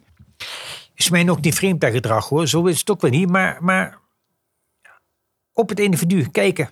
welke honden voelt de paard zich het meest happy? Albert Voren heeft dat misschien in het extreme. Ja, maar die had zijn eigen nooit aan eh, gestoord. Nee. Ik weet nog dat, dat in een in, eh, bekende hengst liep en die was nogal wat heet. En die ruiter wilde dat corrigeren en die ging er met geweld aan. Dan kon voor zijn eigen ontzettend druk over maken. Als hij zijn eigen druk maakt, dan gebeurt er natuurlijk wel iets. eh, Ja, dat is wel ja, zijn eigen over opwind en, en eh, druk. Ja, en misschien had hij wel, nee, ik zeggen, hij had gelijk. Maar ja, bij die ruiter lukte die, dat zat er zo ingeprent om dat zo te doen. Die passen eigenlijk helemaal niet aan aan het individu. Nee, nee. Als je kijkt voor bij ehm, eh, de springpaarden, ik denk bij de dressuurpaarden ook meer en meer. Mensen zeggen heel vaak, het moet iets uniforms zijn. Hè? We moeten een uniforme groep hebben. Ehm wij hebben dat heel vaak niet. Ik denk jullie ook niet. Nee. Wat, wat vind je wel heel belangrijk in een exterieur en waar kan je concessies op doen? Belangrijk in het exterieur vind ik dus het formaat, dus dat de lengte heeft. In eh, de rug mag ietsjes week zijn. Dat is niet, maar, Je hebt liever week dan strak? Nou, liever week dan strak, dat wil ik niet zeggen. Maar ietsjes week rug is nog, fijn niet zo, wel een goede lendenpartij. Ja. Die Waarom, niet- Cor? Nou nou, de meneer lendenpartij, op het moment dat een paard dus, hij zet af met de voorbenen en de achterbenen moeten komen staan waar de voorbenen hebben gestaan. Dus dan moet de lenden moeten bol worden. Die lenden dan wat hol zijn, dan kan hij niet gaan zitten. Een beetje een raar woord, Ja. maar dan komt hij in de afzet niet met de achterbenen klaar waar de voorbenen hebben gestaan. Dus dan krijg je nooit de springkracht naar boven en naar voren. Dus vandaar dat de landenpartij belangrijk is. De kroep niet te hellend. Ja, de eerste die mij over die hellende kroep begon, dat was eh Arend Soer. Ja, Ja? Die, ja, die had hier een, had een hengst hier en die had een beetje wat, plat in de kroep. En ik maakte dan een opmerking over, want toen zei hij, maar toen was Soer nog eh, niks aan te jaren jongen. Dat is goed voor een springpaard. Let hem op, jongen. En dan jongen liep hij weg. Ja. En daar had hij toen al, ik al helemaal gelijk. Daar heb ik net later iets meer, meer naking georganiseerd. En ge, dus nagekeken. En kijk, in de dalende fase, dan moet de achterhand omhoog in. Dus dan moet hij met de heupen omhoog. Dus dan komt de heupen omhoog en de knie naar achter. En dan moet je maar wanneer, hebben. wanneer die zitbeenknobbel al laag zit, dan wordt dat natuurlijk verrekt. Moet je veel verder. Lastig. Ja. Dus dat... eh, dus Dat vandaar is eigenlijk dat, heel logisch. Ja, heel, heel logisch. En boerenlogica. Ja. Maar een boerenlogica is niet altijd, eh, wordt niet altijd direct gebruikt. Boerenslimheid. Het is niet voor niks een uitdrukking die veel gebruikt wordt, waar veel waarheid in zit. Ondanks dat de boeren het op het moment moeilijk hebben. Kan een ehm, paard een tekortkoming nou, in zijn exterieur of misschien wel met name in zijn fundament compenseren als hij echt heel goed is? Hij kan het niet compenseren, maar hij kan er wel goed door springen. En dat we dan, ondanks die tekortkoming, toch zeggen van, we, we doen het. Maken een vermelding ervan in de rapportage, maar we keuren hem wel goed. Ja. Dan moet Ja. hij echt wel wat over hebben. Ja, dan moet je een ander onderdeel wel iets eh, meer veronderstellen. Eerst wat eh, Frans, maar hij spreekt met veel afdruk. En hij toont nogal een beetje eh, hij toont vermogen, afdruk, goede reflexen. Ja, dat, dat is ook zoiets. eh, in het verleden hadden we het afdruk en reflexen niet. Ja, en toen is het woord afdruk, dat ging eigenlijk alleen maar over de snelheid en de richting. En dat is later, en dat had vooral eh, in de tijd eh, in het, via het bestuur heeft daar eh, Egbert Schep op gehamerd dat er reflexen moest worden. Maar de eerste zegt, waarom moet er nou veranderd worden? Ja, hij zei, dan kun je veel meer onderpakken. En dat komt ook dus zijn, zijn voorzichtigheid, dat is een instelling, dat kunnen we onder reflex, een Ja. natuurlijk reflex pakken. Ja. Dus toen is het woord afdruk veranderd in reflex. Zo hebben toch nog wel de nodige mensen eh, invloed gehad op het geheel, wat misschien niet direct iedereen nog weet of zich kan herinneren. Of, ja, dat is wel het mooie van een vereniging. Dat mooiste, iedereen een ja. stukje bijdraagt. ja, iedereen, Ja. iedereen draagt, draagt Ja. eraan bij. Vanaf ehm, 2011 ben je nu weer lid van de Ja. Hengstenkeuringscommissie. Je hebt een heleboel energie erin gestoken. Want volgens mij alles wat jij doet, doe je met ontzettend veel passie en inzet. Het is het laatste jaar wat eraan komt. Ja. We gaan straks eh, in december weer beginnen. 6 december beginnen de springhengst. Ja. En dat wordt jouw laatste ronde, om het zo maar te zeggen. Ja. Waar ligt de uitdaging voor jouw collega's de jaren daarna... om het springpaard van de toekomst te selecteren? Ja, waar ligt de, ui- de uitdaging? Ik denk dat er, eh, dat er dadelijk weer mensen in komen die ook het goed kunnen beoordelen wat de springpad aan moet voldoen. En dat ze daar ook naar blijven kijken en die weg gewoon voortzetten. En het kan wel heel goed zijn dat er dan mensen in die commissie komen die er wat. eh, die bijvoorbeeld met 7,5 niet meer in willen schrijven. Ik noem maar iets. Ik vind dat moeten ze ook zelf weten. Ja, ik vind iedere commissie moet zijn eigen, kan zijn eigen draai, zijn eigen gezicht eraan geven. Wat hij zelf belangrijk vindt of wat minder eh, belangrijk. Kijk, het beleid wordt uitgemaakt door de Fokkerijraad. Dat is klaar. En wij moeten ons eigen daarin eh, kunnen vinden. Als je daar niet mee eens bent, dan moet je niet gaan keurend aandoen, dan moet je niet gaan keuren. Maar als je dan dit beleid uitvoert, dan kun je rustig een keer door de berm rijden. Dan ben je nog niet van de weg af. Met één of met twee wielen? Nou, ik zou toch maar, maar als het met twee wielen kan nog net een klein. Maar er zijn natuurlijk grenzen. Maar je kunt Ja. rustig een keer iets de nou, grens opzoeken. Ja, dus als het extra uur hier en daar iets minder. We hebben wel eens een hengst gehad waarvan de extra uur duidelijk vraagtekens zetten. Maar die hier de verrichting een hele goede verrichting liet zien. Was ook nog geen KWPN-hengst. Dan moeten we niet zeggen, ja, is niet KWPN. Dus dat kostte maar punten. En het uur, nee, als je goed springt, springt het goed. Als je iets kan gaan geven. toevoegen, Ja. dan moet je er goed over nadenken. Dan zou dus met het idee erachter van, zit er dat genetisch nog in? Dan is de kans dat kan toevoegen, is best groot. Ik zal ook nog in een klein voorbeeld geven, nog ga ik de tijd iets terug. In de tijd kunnen wij van Libro, dat was een tijd nog van Barneveld, kunnen wij van Libro drie zonen goed. Toen zeg ik tegen hem, ik zeg, is er niet een beetje veel? Drie zonen van één hengst. Of zei hij, misschien komen er wel helemaal niet meer van eh, die hengst. En achteraf gezien zijn ook nog maar heel weinig Libro nakomelingen geweest. Dus ja, dat was gewoon toen een goede zet. Ja. Je moet dat doen wat je op dat Ja. moment goed acht. En wat ook nog wel mooi is, eh, dat is ook nog wel een mooi verhaal, zeker voor zo'n podcast. In de tijd hadden we de hengst Negro. Die komt op de hengstenkeuring hier, Negro. En die was van moederskant vrij klassiek gefokt. En wat kortbenig, maar wel goed lopen. En liet nog een nette sprong zien. Maar ik, eh, ik was er eigenlijk niet zo voor, maar daar toch een beetje. Ik zeg, en als je daar de verrichting dan kun je er niet meer vanaf. Want dat zal hij best wel doen. En eigenlijk is er voor de toekomst geen modern dressuurpad. Goed, dus wij nemen die hengst niet. Hengt voor de herkeuring. Eerst koopt een andere eind, die koopt en voor de herkeuring. En de herkeuring, die wijst die hengst aan. Toen kwam hij dus in de verrichting. Ja, en dat deed hij goed. Dus toen schrijven wij die hengsten. Nou, en achteraf hij, die Henk best hele goede dingen Ja. gedaan. Hij had een positieve bijdrage geleverd Ja. aan de fokkerij. Ja, nou, dat kan dus eh, Zo gebeuren. moeilijk is het. Dus ik kan wel zeggen, we hebben Nero toen goedgekeurd. Maar zeg ik via de herkeuring Ja, binnengekomen. met dank aan. Maar dat is Met wel het mooie aan. van het systeem, Daarom-. Ja, daar is, daar is verder ook niks, eh, Nee. ook niks mis mee. Hoe gaan we in de toekomst nog steeds gebruik kunnen maken van jouw kennis en van jouw kunnen leren? Nou, kennis en kunnen leren. Ik denk dat het, eh zolang ik nog leef, links en rechts een keer op zal treden dadelijk en ik kan zien. En wanneer er vragen zijn, dat we altijd nog wel eh, vragen kunnen stellen of nog mijn mening kunnen vragen. Ik heb wel regel een beetje een uitgesproken mening.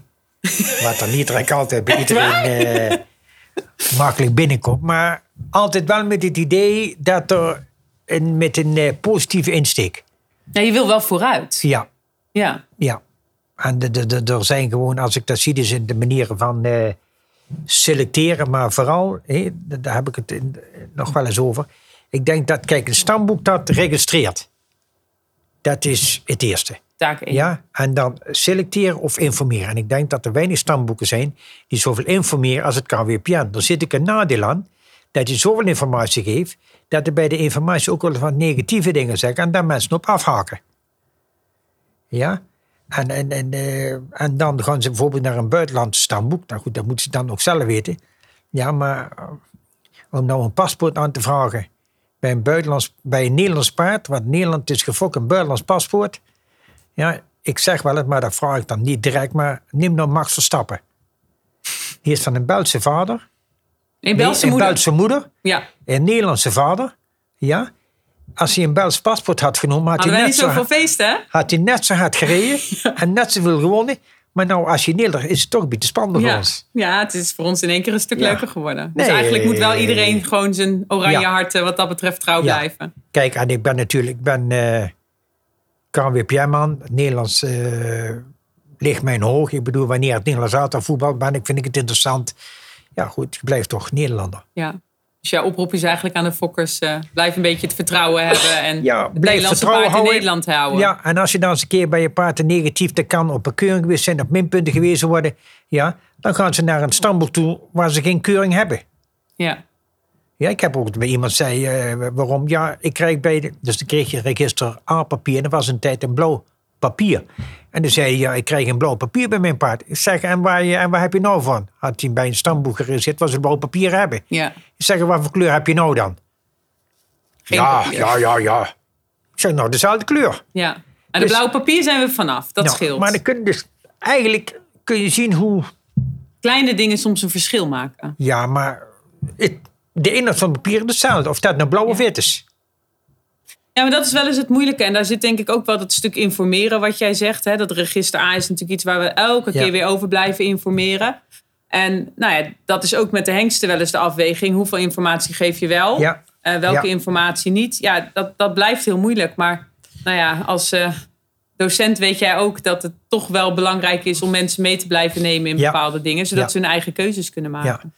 En eh, daar heb je natuurlijk nou, er zijn wel be- bepaalde mensen waar we wat meer mee praten. En ook eh, mensen uit de sport en de fokkerij. En die zeggen dan ook wel dat hij soms wel te weinig informatie heeft. Eh, te veel informatie heeft in plaats van te weinig. Hij zegt, je geeft nou zoveel informatie. Dat mensen daar, ja, Door de boom het bos niet meer door de zien. moment post niet meer zien. Ja. En wat je dan krijgt, ze gaan een ander waar ze geen informatie van hebben. Daar gaan ze dan wel naartoe. Ja. Moeten we minder informatie geven? Nee, ik denk dat we nog wel informatie moeten geven, maar wel een afweging moeten maken over de hoeveelheid van de informatie. Ik denk dat dat wel een eh anderspunt is. Ja, nou gaan we daar nog eens over nadenken. Ja. Cor, dankjewel. Ik wil nog Zijn we iets vergeten? Ja, nog iets vergeten. Vertel. Ik, ik heb in het begin, en dat is eigenlijk een beetje, dat slaat een beetje terug over eh, Peter Murphy verteld.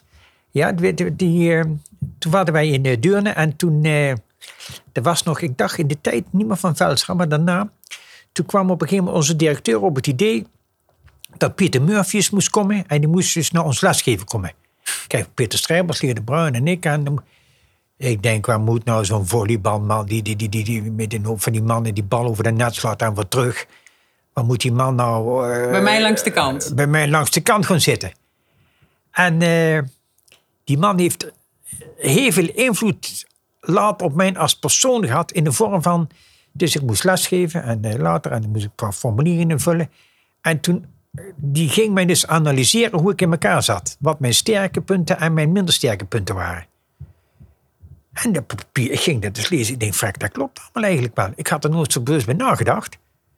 En een van die punten was dat ik eh, dogma dogmatisch werd of word wanneer ik niet de goede informatie had.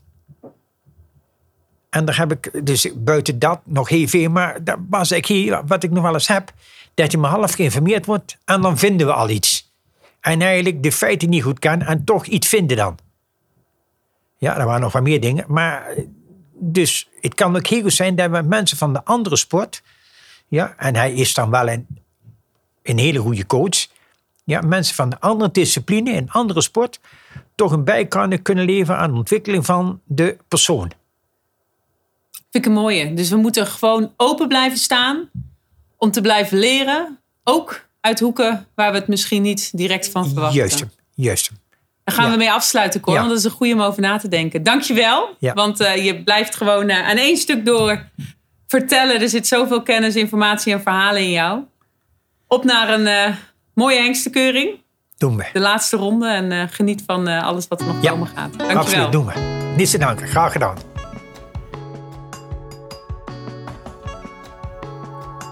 Vandaag hebben we met Cor een heel aantal onderdelen van de hengstenselectie besproken. Maar mocht je hier nu toch nog vragen over hebben, dan verwijs ik je naar de webinar van Veulen tot goedgekeurde hengst. Deze is terug te kijken op KWPN TV. Mijn collega Luc Smetsers en ik zullen hier een heel aantal onderdelen bespreken. En de zaken waar je aan moet denken op het moment dat je voor het eerst met een hengst naar de keuring gaat, waar de commissie op let en aan welke eisen hij allemaal moet voldoen op de verschillende momenten in het selectietraject. Voor nu zeg ik dankjewel voor het luisteren en hopelijk tot een volgende keer.